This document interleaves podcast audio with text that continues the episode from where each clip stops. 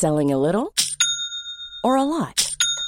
Shopify helps you do your thing however you cha-ching. Shopify is the global commerce platform that helps you sell at every stage of your business. From the launch your online shop stage to the first real life store stage, all the way to the did we just hit a million orders stage. Shopify is there to help you grow. Shopify helps you turn browsers into buyers with the internet's best converting checkout.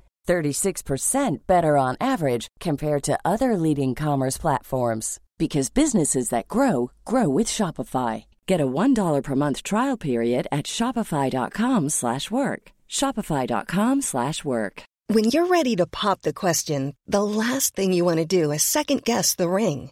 At Bluenile.com, you can design a one-of-a-kind ring with the ease and convenience of shopping online. Choose your diamond and setting. When you find the one, you'll get it delivered right to your door. Go to Bluenile.com and use promo code LISTEN to get $50 off your purchase of $500 or more. That's code LISTEN at Bluenile.com for $50 off your purchase.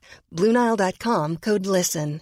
Hey Dave. Yeah, Randy. Since we founded Bombus, we've always said our socks, underwear, and t shirts are super soft. Any new ideas? Maybe sublimely soft. Or disgustingly cozy. Wait, what? I got it. Bombus. Absurdly comfortable essentials for yourself And for those facing homelessness. because one purchased equals one donated. Wow, did we just write an ad?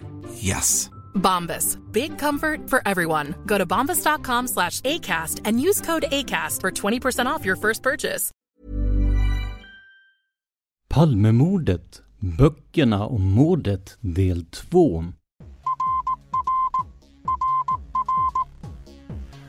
Sveriges statsminister Olof Palme är död. 90 000. Ja, det är mord på Sveavägen. Hörde de säger att det är Palme som är skjuten. Mordvapnet med säkerhet är en Smith Wesson, en revolver kaliber .357. Inte ett svar. Finns inte ett svar. För jag har inget. Och jag har inte Polisen söker en man i 35 till 40-årsåldern med mörkt hår och lång mörk rock.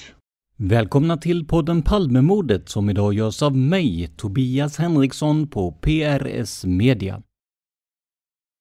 När 2019 börjar närma sig sitt slut vill vi passa på att tacka alla som lyssnat på oss under året och önska ett riktigt gott 2020. Du som idag sponsrar oss på Patreon ska ha fått ett mail om den Palmevandring som hålls den 28 februari 2020. Det är ett sätt för oss att tacka er som sett till att vi kunnat komma ut med över 200 avsnitt sedan starten.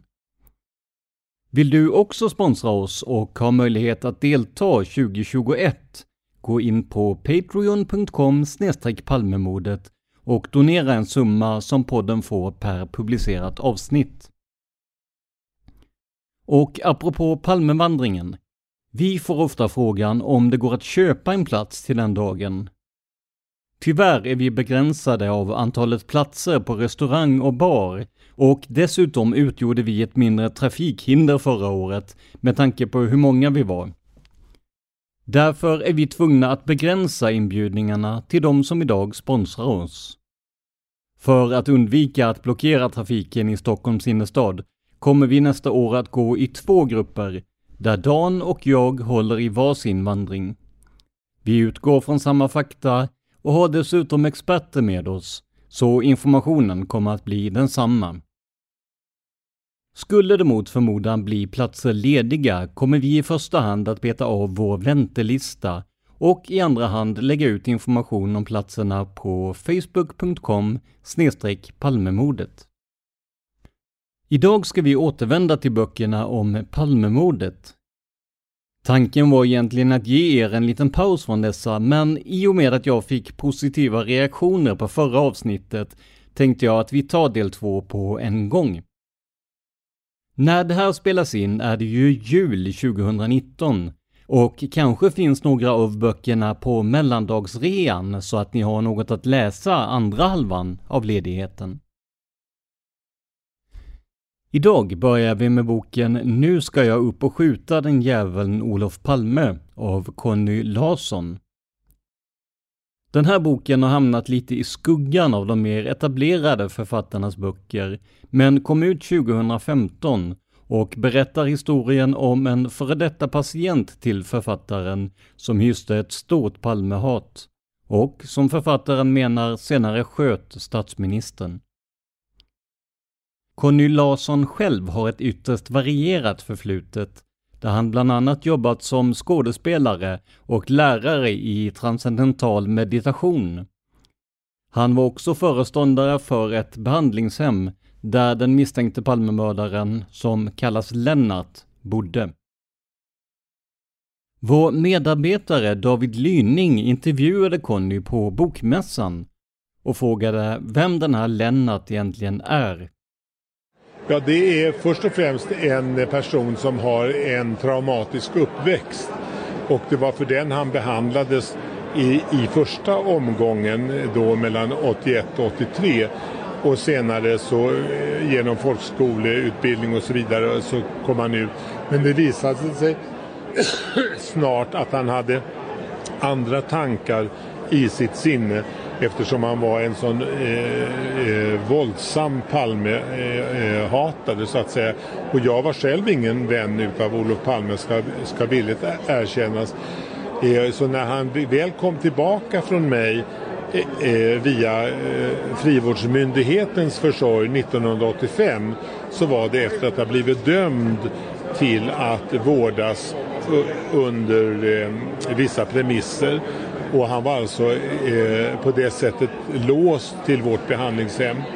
Och eh, fram, tiden från det att han flyttade mig i första omgången så hade han ägnat sig åt kriminalitet efter folkhögskolan fram tills dess och kom alltså från fångvårdsanstalten Hall där han var internerad.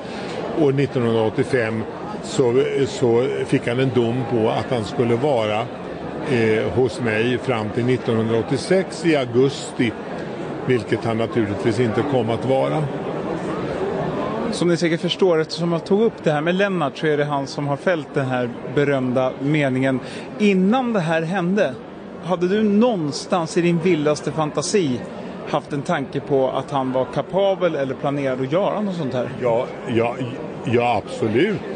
Alltså det här var ju en person som ständigt menade på att han ville ha ihjäl Olof Palme eh, specifikt han, eh, han hade blivit så sviken utav den sociala myndigheten och framförallt den socialdemokratiska delen av myndigheten som hade lovat honom efter den första behandlingssvängen att han skulle få allt, lägenhet, handikapp och hit och dit och fram och tillbaka. Han skulle få körkort och allting. Och så när han väl hade gjort den så blev han blåst på det och då, eh, då var socialdemokratin hans eh, huvudfiende och Palme i synnerhet. Och han sa i stort sett var och varannan dag när vi tittade på TV, han och jag kom att få en väldigt förtrolig förhållande i sista behandlingssvängen 85 då. Eh, så att eh, det handlade mestadels om att så fort vi såg Olof Palme så var det om att eh, han ska helt enkelt väck. Han ska raderas bort. Han ska dö. Det var det som var hans tanke. Och när man då är terapeut så där så går man ju inte alltid emot den man lyssnar till utan man sitter och håller med och man jamsar med. Och så var även jag. Och jag har varit mer och mer indragen i det tills jag nästintill tyckte som han. Läser man baksidetexten på boken får man uppfattningen att Lennart är ett mycket troligt och rimligt spår. Det finns säkert delade meningar om det, men bilda er gärna en egen uppfattning. Så här skriver Conny om boken. Citat. Fredagen den 28 februari 1986 slet han av sig ringen och kastade den så långt han kunde. Chockad såg jag på honom. Han var resklädd i sin mörkblå anorak som gick halvvägs ner till knäna. På huvudet hade han sin gamla rånarluva som han rullat upp till en vanlig mössa. Rensen var spänd över vänster axel. Lennart, förstår du vad du just nu gjort? Han svarade iskallt. Ja, det gör jag. Jag har just valt väg. Mörkrets väg. Jag försökte lugna mig och gick sakta mot honom. Tar du ett steg till så slår jag ihjäl dig. När jag såg honom vända och gå sa jag efter honom. Vad kan det vara som är så viktigt i Stockholm att du måste dit nu igen? Han vände sig om och skrek. Jag ska upp och skjuta den jäveln. Vem fan kunde ringa klockan sex en lördagmorgon tänkte jag. När jag lyfte luren hörde jag en berusad röst. Är du nöjd nu? Va? Det är klart nu, han är död nu. Vem är det som är död? Palmefan förstås. Detta berättar Conny Larsson, på 80 och 90-talen föreståndare för ett behandlingshem för kriminella och missbrukare, om Lennart. Den som med största sannolikhet var den som avlossade det dödande skottet den 28 februari 1986. Slut citat. Boken Nu ska jag upp och skjuta den jäveln Olof Palme finns på internetbokhandlar och på Adlibris kostar den 218 kronor när det här spelas in. Vi ska nu över till något så annorlunda som en misstänkt mördare som själv skriver en bok för att rentvå sig. Personen i fråga är givetvis Viktor Gunnarsson och hans bok Jag och Palmemordet som skrevs tillsammans med en professionell författare. I den här boken berättar Gunnarsson steg för steg om dagarna innan mordet, dagen då dådet hände och hela utredningsmaskineriet därefter. Vi kan konstatera att en del i boken inte följer etablerade fakta, så man bör läsa den med viss skepsis. Givetvis fanns det ett intresse för Gunnarsson att inte framstå som mördare. Men trots detta är det faktiskt en intressant bok. Främst på grund av att den som sagt ger en misstänkt bild av hur utredningen gick till. Dessutom visar den på hur en person som senare släpptes ur häkte tvingas leva med hot, hat och misstänksamhet från sin omgivning under i stort sett resten av livet. Så här lät det när jag läste in delar av boken för podden. Vi hör hur Viktor Gunnarsson reagerade på budet att Olof Palme var död. Olof Palme mördad på öppen gata. Jag stod som förstelnad. Egentligen var jag inte förvånad. Han måste ha haft många fiender. Men att med berått mod döda en människa? Är det inte fasansfullt att något sånt kan hända i Sverige, hörde jag pappa säga. Jag höll med honom men eh, ville inte prata mer utan fortsätta sova och bli fri från förkylningen. Innan vi avslutade samtalet så försökte han få mig att komma hem till Blekinge. Så mycket otäckt som sker i Stockholm. Jag sa ännu en gång att jag tänkte vara kvar. Vad skulle förresten kunna hända mig? Jag la mig igen och tänkte över situationen. Var det någon som hatade den politik som Olof Palme representerade som hållit i vapnet? Men mord på ett lands statsminister är en synnerligen ointelligent sätt att inbilla sig en förändring av den politiska inriktningen. Tvärtom ger ett sådant dåd mera kraft åt det parti som offret företrädde. Alltså måste mordet ha utförts av en politisk idiot, vars intelligens inte räckte till för att inse vilka sympatier Socialdemokratiska partiet skulle få vilket ödets grymma ironi. Olof Palme föll offer för det våld som han inte trodde existerade i välfärdens Sverige. Jag tänkte igen på att Palme måste ha haft många fiender. Regeringen hade frikostigt tagit emot många flyktingar från Chile. Var dådet en hämnd från Pinochet och hans anhang? Samtidigt hade man vägrat många andra inresa till Sverige. Det är känsligt och kan lätt föda hat. Senare fick jag veta att statsministerparet varit obevakat vid sitt biobesök på Grand. Varför ville inte Palme ha bevakning av Säpo? Får man någonsin veta den verkliga anledningen? Jag tänkte också på mina egna relationer till honom. Jag har aldrig varit med i en politisk förening eller i ett ungdomsförbund, utan följt debatten från sidan. Jag ser mig som en partiobunden icke-socialist, fast jag också inser att Socialdemokraterna kan ha rätt i många frågor. Två gånger har jag varit i närheten av Olof Palme. Vid ena tillfället höll han valtal i en gymnastiksal i min hemtrakt. Jag sökte efteråt upp honom för att höra hans inställning kring neutraliteten. Man måste vara konsekvent och inte endast ta ställning till en part, ansåg jag. Men Palme måste iväg till nästa plats och gav sig inte in i någon debatt. Den andra gången stötte jag på honom i Gamla stan. Jag gjorde ett försök att ta upp ett skatteproblem. Jag hade retat mig på att man nästan blir bestraffad om man vill arbeta lite extra. Palme urskuldrade sig och sa sig ha brått till kanslihuset. Flera kontakter hade vi aldrig haft. Jag har aldrig skrivit brev till honom som jag exempelvis gjorde till Jimmy Carter. Jag lyckönskade honom till presidentämbetet och för att han i sin hemstat tillägnat de mänskliga rättigheterna genom att inbjuda svarta till sin kyrka. Senare skrev jag till honom angående den amerikanska politiken i Sydamerika. Men med vår egen statsminister inskränkte sig kontakterna till dessa två snabba möten utan gensvar. Jag och Palmemordet är idag väldigt svår att få tag på, men kan ibland hittas på antikvariat och på till exempel Tradera. För er som är intresserade av boken kan jag dock meddela att den kommer att läsas in som ljudbok under 2020. Uppläsare blir undertecknad. Den kommer att finnas fritt tillgänglig för nedladdning och kommer alltså inte att kosta er något. Bakgrunden är egentligen att jag fick bra kritik för min gestaltning av Viktor Gunnarsson i förhören som lästes upp i podden. Med hjälp av ett förslag i Palmerummet började jag titta på om det var juridiskt möjligt att släppa boken som ljudfil. Och nu verkar det som att allting ska ha löst sig. Då det här är ett projekt som tar tid och som dessutom görs ideellt vågar jag inte säga något exakt releasedatum, men givetvis håller vi er uppdaterade om detta. I samma veva kommer även Viktor Gunnarssons manifest att läsas in. Och manifestet är ett kapitel i sig och finns idag tillgängligt via leopoldreport.com. Det här är en ganska förvirrad och mindre välstrukturerad version av hur Gunnarsson såg på sitt liv, det svenska samhället och Olof Palme.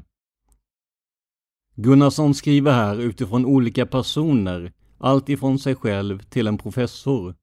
Och resultatet blir ganska förvirrande. Men kanske kan det ge en inblick i Viktors tankevärld och hur han såg på det som hände. Ska man läsa böcker om just Gunnarsson är det betydligt enklare att gå till Anders Leopolds verk.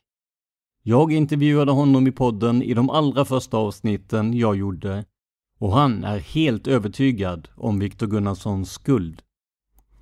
I boken Jag sköt Olof Palme, där titeln sägs vara ett citat från Gunnarsson själv, kommer det fram uppgifter om bland annat anonyma brev som skickats till Palmeutredningen.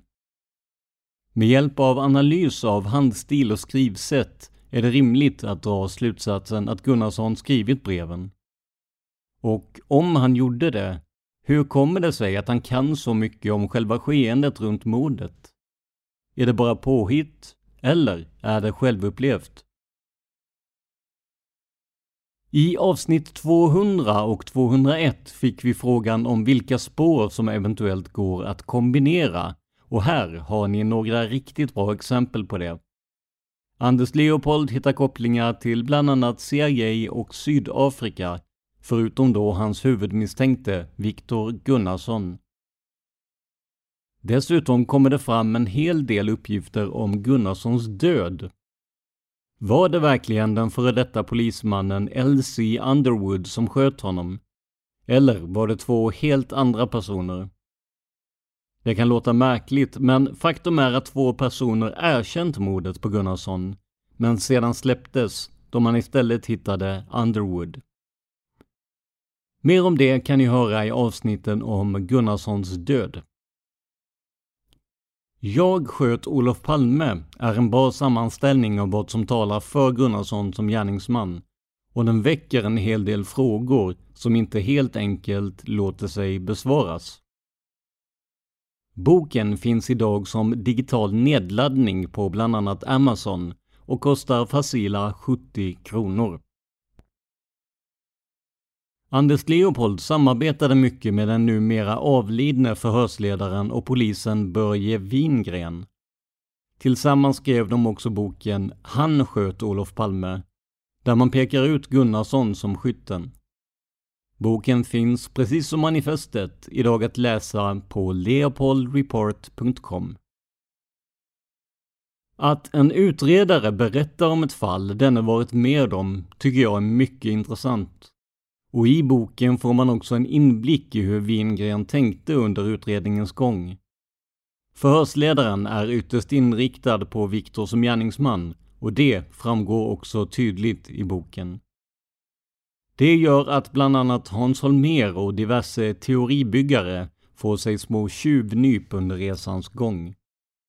För för Wingren stod det klart att Gunnarsson var den skyldige. Case closed. Och den slutsatsen drog han ju bland annat av allt det utredningsmaterial som han olovligen tog med sig från utredningen när han själv fick gå från denna. Boken är definitivt en partsinlaga, men inte mindre intressant för det. Den som är intresserad av hur utredningen såg ut de första åren och vilka slitningar som fanns i den kommer definitivt att finna boken läsvärd. Hej, jag Ryan Reynolds. På Midmobile vill vi like to do opposite of vad Big Wireless gör. De laddar dig mycket, we charge you a little. So naturally, when they announced they'd be raising their prices due to inflation, we decided to deflate our prices due to not hating you. That's right. We're cutting the price of Mint Unlimited from $30 a month to just $15 a month. Give it a try at mintmobile.com slash switch. $45 upfront for three months plus taxes and fees. Promo for new customers for limited time. Unlimited more than 40 gigabytes per month. Slows. Full terms at mintmobile.com. How would you like to look five years younger? In a clinical study, people that had volume added with Juvederm Voluma XC in the cheeks perceived themselves as looking five years younger at six months after treatment. Look younger, feel like you. Add volume for lift and contour in the cheeks with Juvederm Voluma XC. Reverse signs of aging by adding volume to smooth laugh lines with Juvederm Volure XC. For important safety information and to find a licensed specialist, visit juvederm.com. That's J U V E D E R M.com. Not for people with severe allergic reactions, allergies to lidocaine, or the proteins used in Juvederm. Common side effects include injection site redness, swelling, pain, tenderness, firmness, lumps, bumps, bruising, discoloration, or itching. There's a risk of unintentional injection into a blood vessel, which can cause vision abnormalities, blindness, stroke, temporary scabs, or scarring. Talk to a licensed specialist to find out if it's right for you. Quality sleep is essential. That's why the Sleep Number Smart Bed is designed for your ever evolving sleep needs. Need a bed that's firmer or softer on either side? Helps you sleep at a comfortable temperature? Sleep Number Smart Beds let you individualize your comfort so you sleep better together. JD Power ranks Sleep Number number 1 in customer satisfaction with mattresses purchased in-store. And now save 40% on the Sleep Number limited edition Smart Bed for a limited time. For JD Power 2023 award information, visit jdpower.com/awards. Only at Sleep Number stores or sleepnumber.com. Och apropå böcker om själva utredningen. Missa inte Hans Holmérs bok Olof Palme är skjuten. Där berättar den förre spaningsledaren öppenhjärtligt om sin medverkan i en av världens största olösta polisutredningar. Vi får till livs så olika spår som Ostkustfiskarna och Den galne österrikaren. Boken är skriven i klassisk Holmér-anda, där han gärna framstår som den drivkraftiga och beslutsamma polis han vill vara. Här får vi till exempel höra om hur han fick reda på att mordet ägt rum. Citat. Lyckligt ovetande om alla problem ligger jag och sover på ett Scandic Hotel i Borlänge.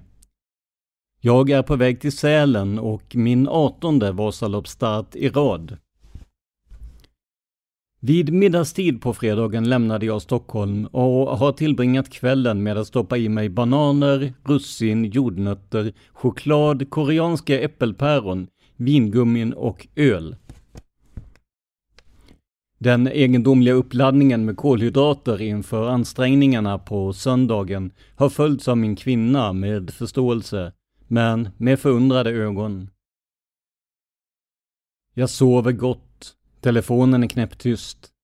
Jag har inte heller någon personsökare med mig som kan pipa och störa friden. Vasaloppshelgen är faktiskt den enda helg på året och poliserna på ledningscentralen inte vet hur de ska få tag på mig. Jag vaknar i gryningen på lördagsmorgonen och oroar mig över hur vädret ska bli. Jag har nog aldrig varit så vältränad inför ett Vasalopp, men jag fasar inför tanken på dagsmeja och en rad omvallningar. Åsa låtsas sova när jag går ner i receptionen och ber om varmt vatten i en termos. Klockan är 07.35 och hotellets frukostservering har ännu inte öppnat. Den piggögda flickan i receptionen frågar mig om jag har hört att det varit ett mord. Nej, det har jag inte. Här i Borlänge. Jag undrar om flickan känt igen mig och att det är därför som hon berättar om mordet, eller om ett mord i Borlänge är så sensationellt att hon måste berätta det för alla. Nej, i Stockholm, svarar flickan. Det klarar de andra, hinner jag tänka, innan hon tillägger. Olof Palme är skjuten. Jag går som i trans genom korridoren. Åsa sätter sig upp i sängen och ler mot mig. Jag står med termosen i hand och säger tonlöst. Tjena, Olof Palme är skjuten.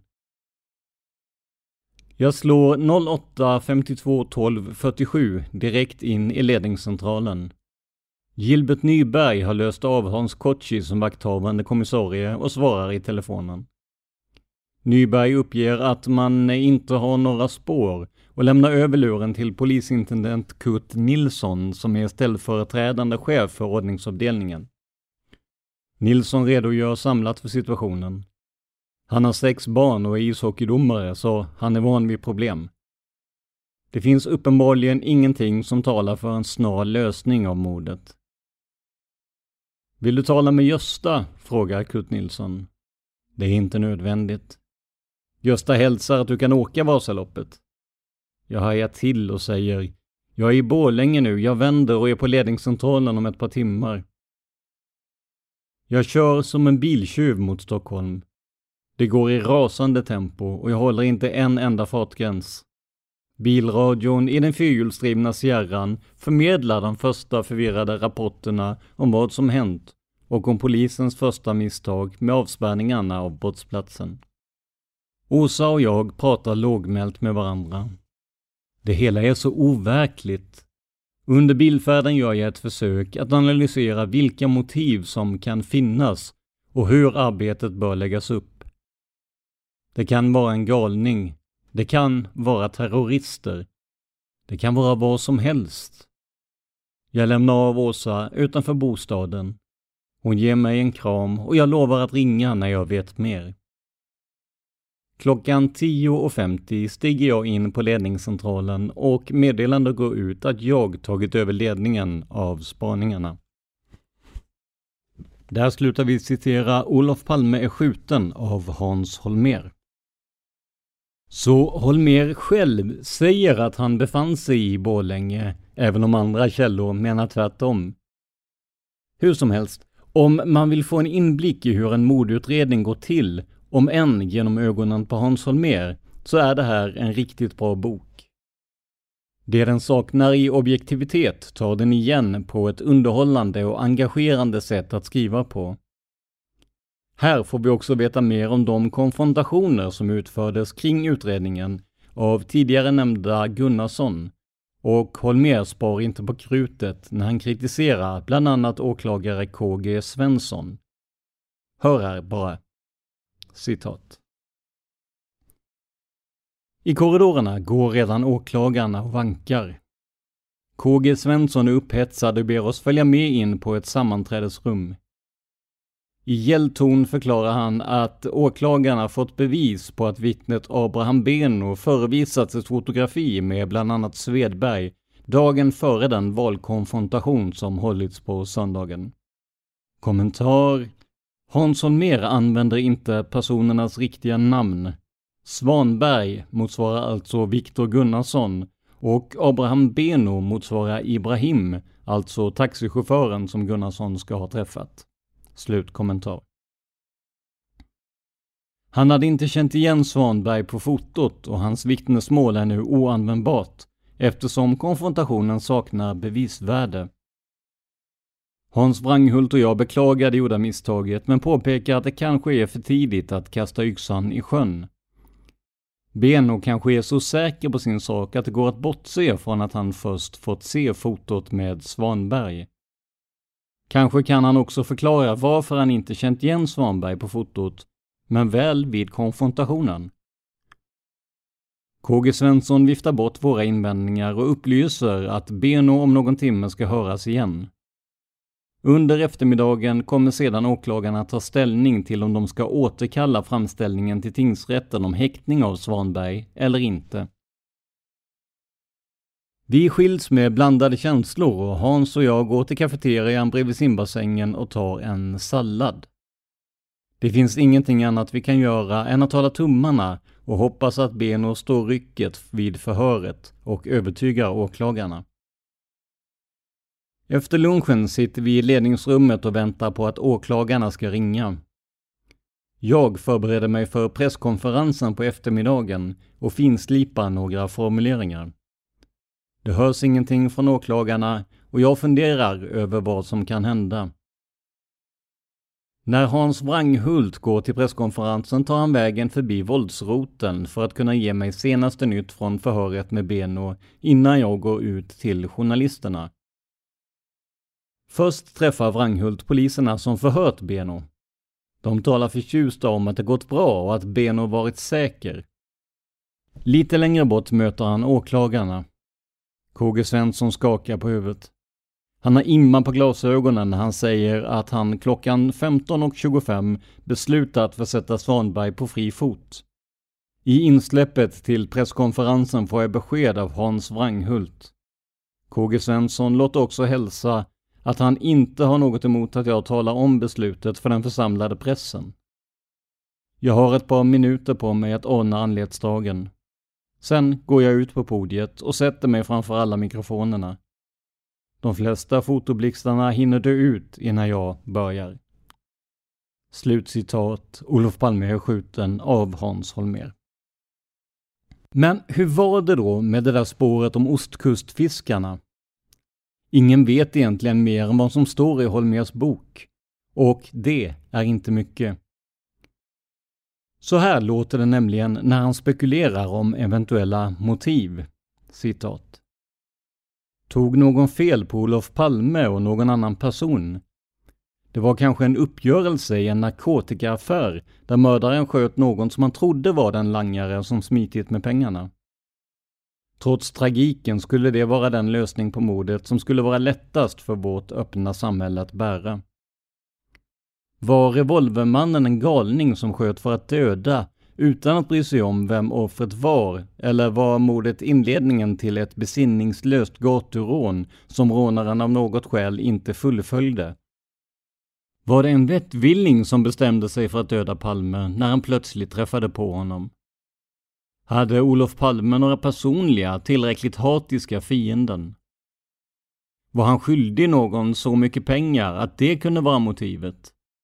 Var han intrasslad i någon kärleksaffär och mördaren en svartsjuk rival? Var det istället Lisbeth som mördaren velat döda? Hur såg i så fall motivbilden ut? Hennes arbete som psykolog i vårdnadsfrågor hade kanske gett henne någon mentalt störd fiende. Kan några politiska grupperingar eller någon eller några personer i Sverige ha hatat Olof Palme så mycket att de mördat honom? Nynazisterna och avgrundsvänstern med alla sina talkörer och nidskrifter, är de något annat än skränfockar?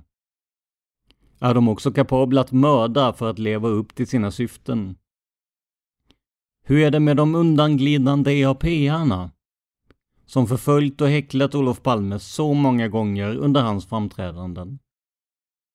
1984 hade de till och med demonstrerat utanför FN-ambassadören Anders Ferms bostad i New York när Henry Kissinger och Olof Palme var där på besök. Rymmer deras fanatiska skara med Lyndon LaRouche som finansiär i bakgrunden också mördare? De mystiska scientologerna med sin magiska makt över medlemmarna vad sysslade de med egentligen? Är ryktena om att de har en egen kår av beväpnade vakter och en dödslista med Olof Palmer överst sanna? Finns det någon hatisk falang inom polisen eller bland officerare som på ankarströmskt vis beslutat mörda Olof Palme? Eller någon ensam förryckt polisman eller ubåtsofficer? Finns det så tokiga människor? Har Olof Palmes planerade besök i Sovjet varit ett eh, motiv för mördaren? Kan några ha velat förhindra resan och stoppa ett svenskt närmande till Sovjet? Någon exilbalt med ärr i själen från baltutlämningens dagar för jämnt 40 år sedan? Vad ger en genomgång av de hotbrev och mystiska hälsningar som Olof Palme fått under alla år? Finns det något allvar bakom utfallen från anonyma ostkustfiskare och bönder eller från den överspände amerikanen Jonathan Rees och hans karategäng? Slutcitat. Olof Palme är skjuten. Så det här var alltså allt som nämndes om ostkustfiskarna. Mig veterligen har vi inte en aning om på vilket sätt de skulle ha hotat Olof Palme eller hur de eventuellt kan tänkas vara inblandade i mordet.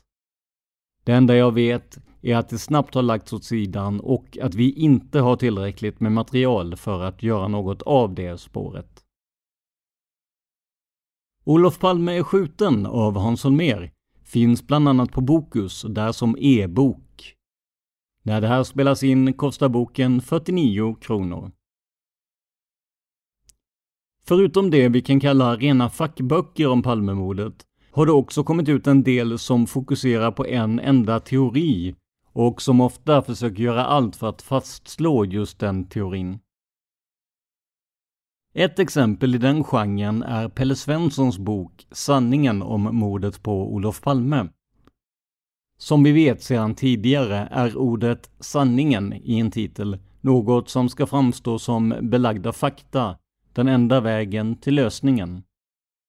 Men det kan också ge ett bakslag, då man kanske greppar efter mer än vad boken faktiskt har täckning för.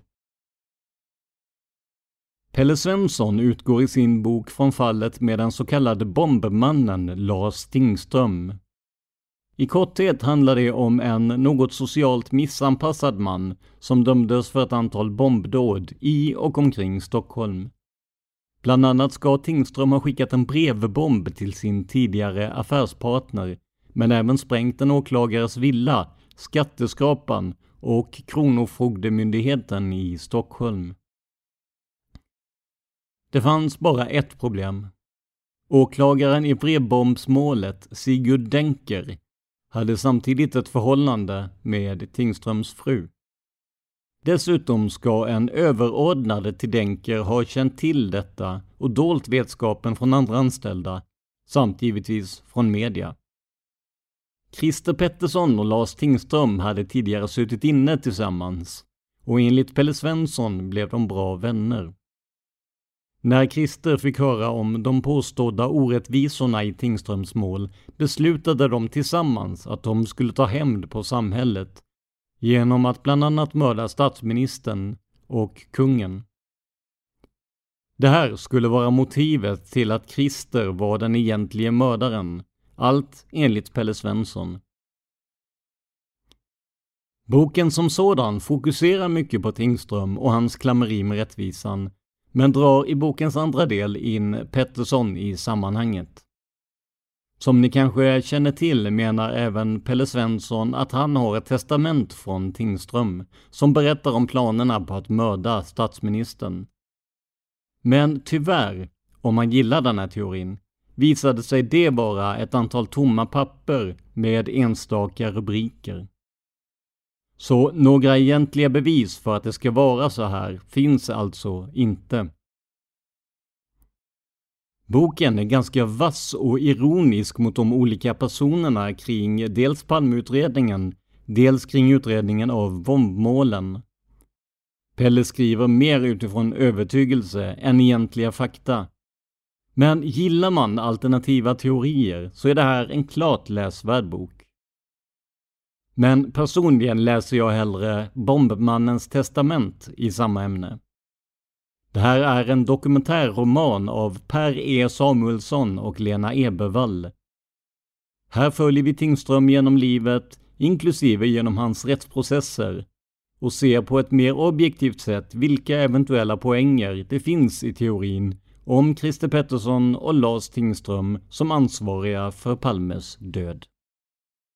När det gäller böcker som bygger på teorier måste vi såklart nämna föregångaren till Thomas Petterssons bok om Skandiamannen. För redan 2016 släppte författaren Lars Larsson en mycket välresearchad bok om Stig E, eller Skandiamannen som han kallas. Den här boken låg också till grund för många av de avsnitt som Dan gjorde på ämnet. Lars Larsson har mycket noggrant gått igenom bland annat vittnesuppgifter och här finns en av de mest kompletta sammanställningarna av mördarens signalement utifrån vad de olika vittnena sagt. Så här beskriver författaren sin bok. Citat. En fredagkväll för 30 år sedan sköts Olof Palme ned på öppen gata inför över 20 ögonvittnen. Mördaren agerade snabbt och effektivt.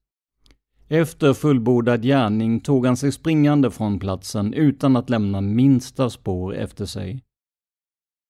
Polisen har lagt ner enorma mängder resurser på att finna mördaren, men vet inte idag mycket mer än vad man gjorde för 30 år sedan.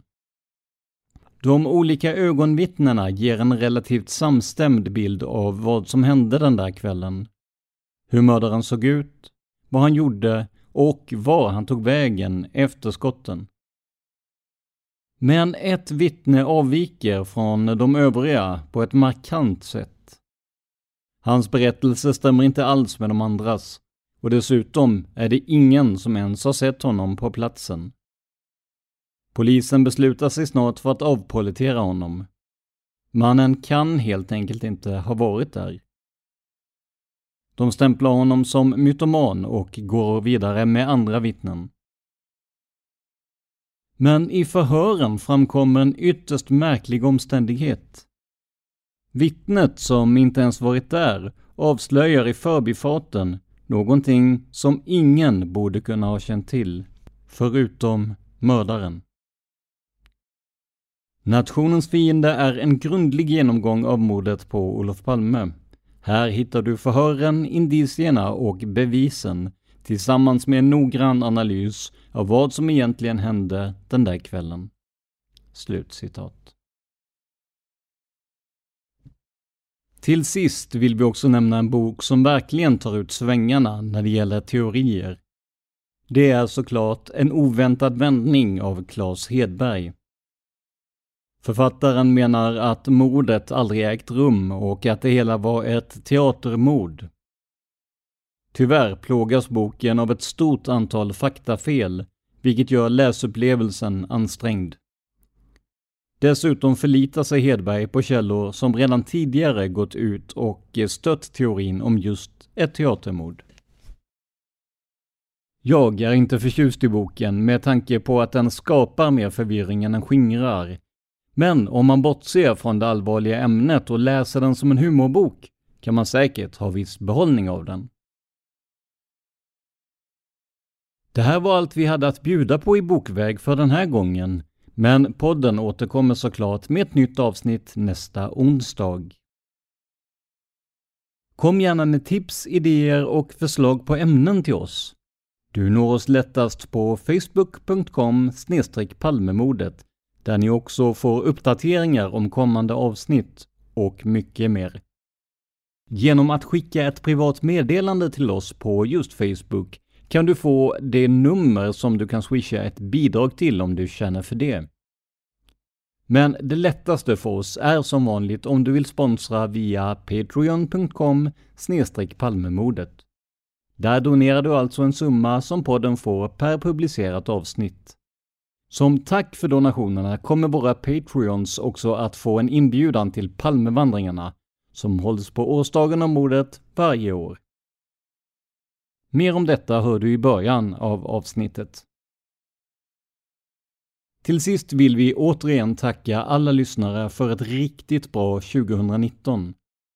Med er hjälp har vi kunnat producera 52 avsnitt, ett varje vecka, och har dessutom kunnat lyssna till några riktigt intressanta gäster. Fortsätt att lyssna på oss för mer av den här varan.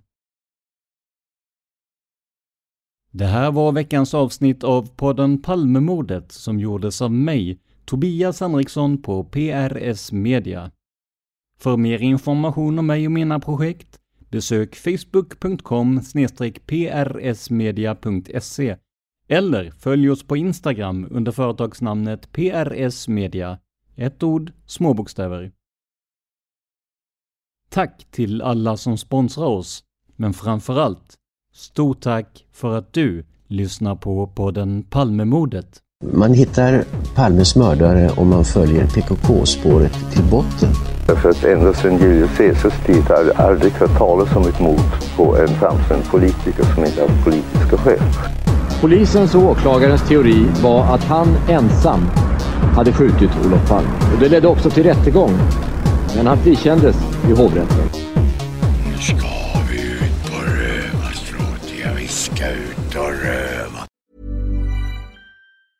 Hi, I'm Daniel, founder of Pretty Litter. Did you know cats tend to hide symptoms of sickness and pain? I learned this the hard way after losing my cat, Gingy. So I created Pretty Litter, a health monitoring litter that helps detect early signs of illness by changing colors, saving you money and potentially your cat's life. Pretty Litter is veterinarian developed, and it's the easiest way to keep tabs on your fur baby's health right at home. Go to prettylitter.com and use code ACAST for 20% off your first order and a free cat toy. Terms and conditions apply. See site for details. Cool fact a crocodile can't stick out its tongue. Also, you can get health insurance for a month or just under a year in some states. United Healthcare short term insurance plans, underwritten by Golden Rule Insurance Company, offer flexible, budget friendly coverage for you. Learn more at uh1.com. Planning for your next trip? Elevate your travel style with Quince. Quince has all the jet setting essentials you'll want for your next getaway, like European linen, premium luggage options, buttery soft Italian leather bags, and so much more. And is all priced at 50 to 80% less than similar brands. Plus, Quince only works with factories that use safe and ethical manufacturing practices. Pack your bags with high-quality essentials you'll be wearing for vacations to come with Quince. Go to quince.com/pack for free shipping and 365-day returns.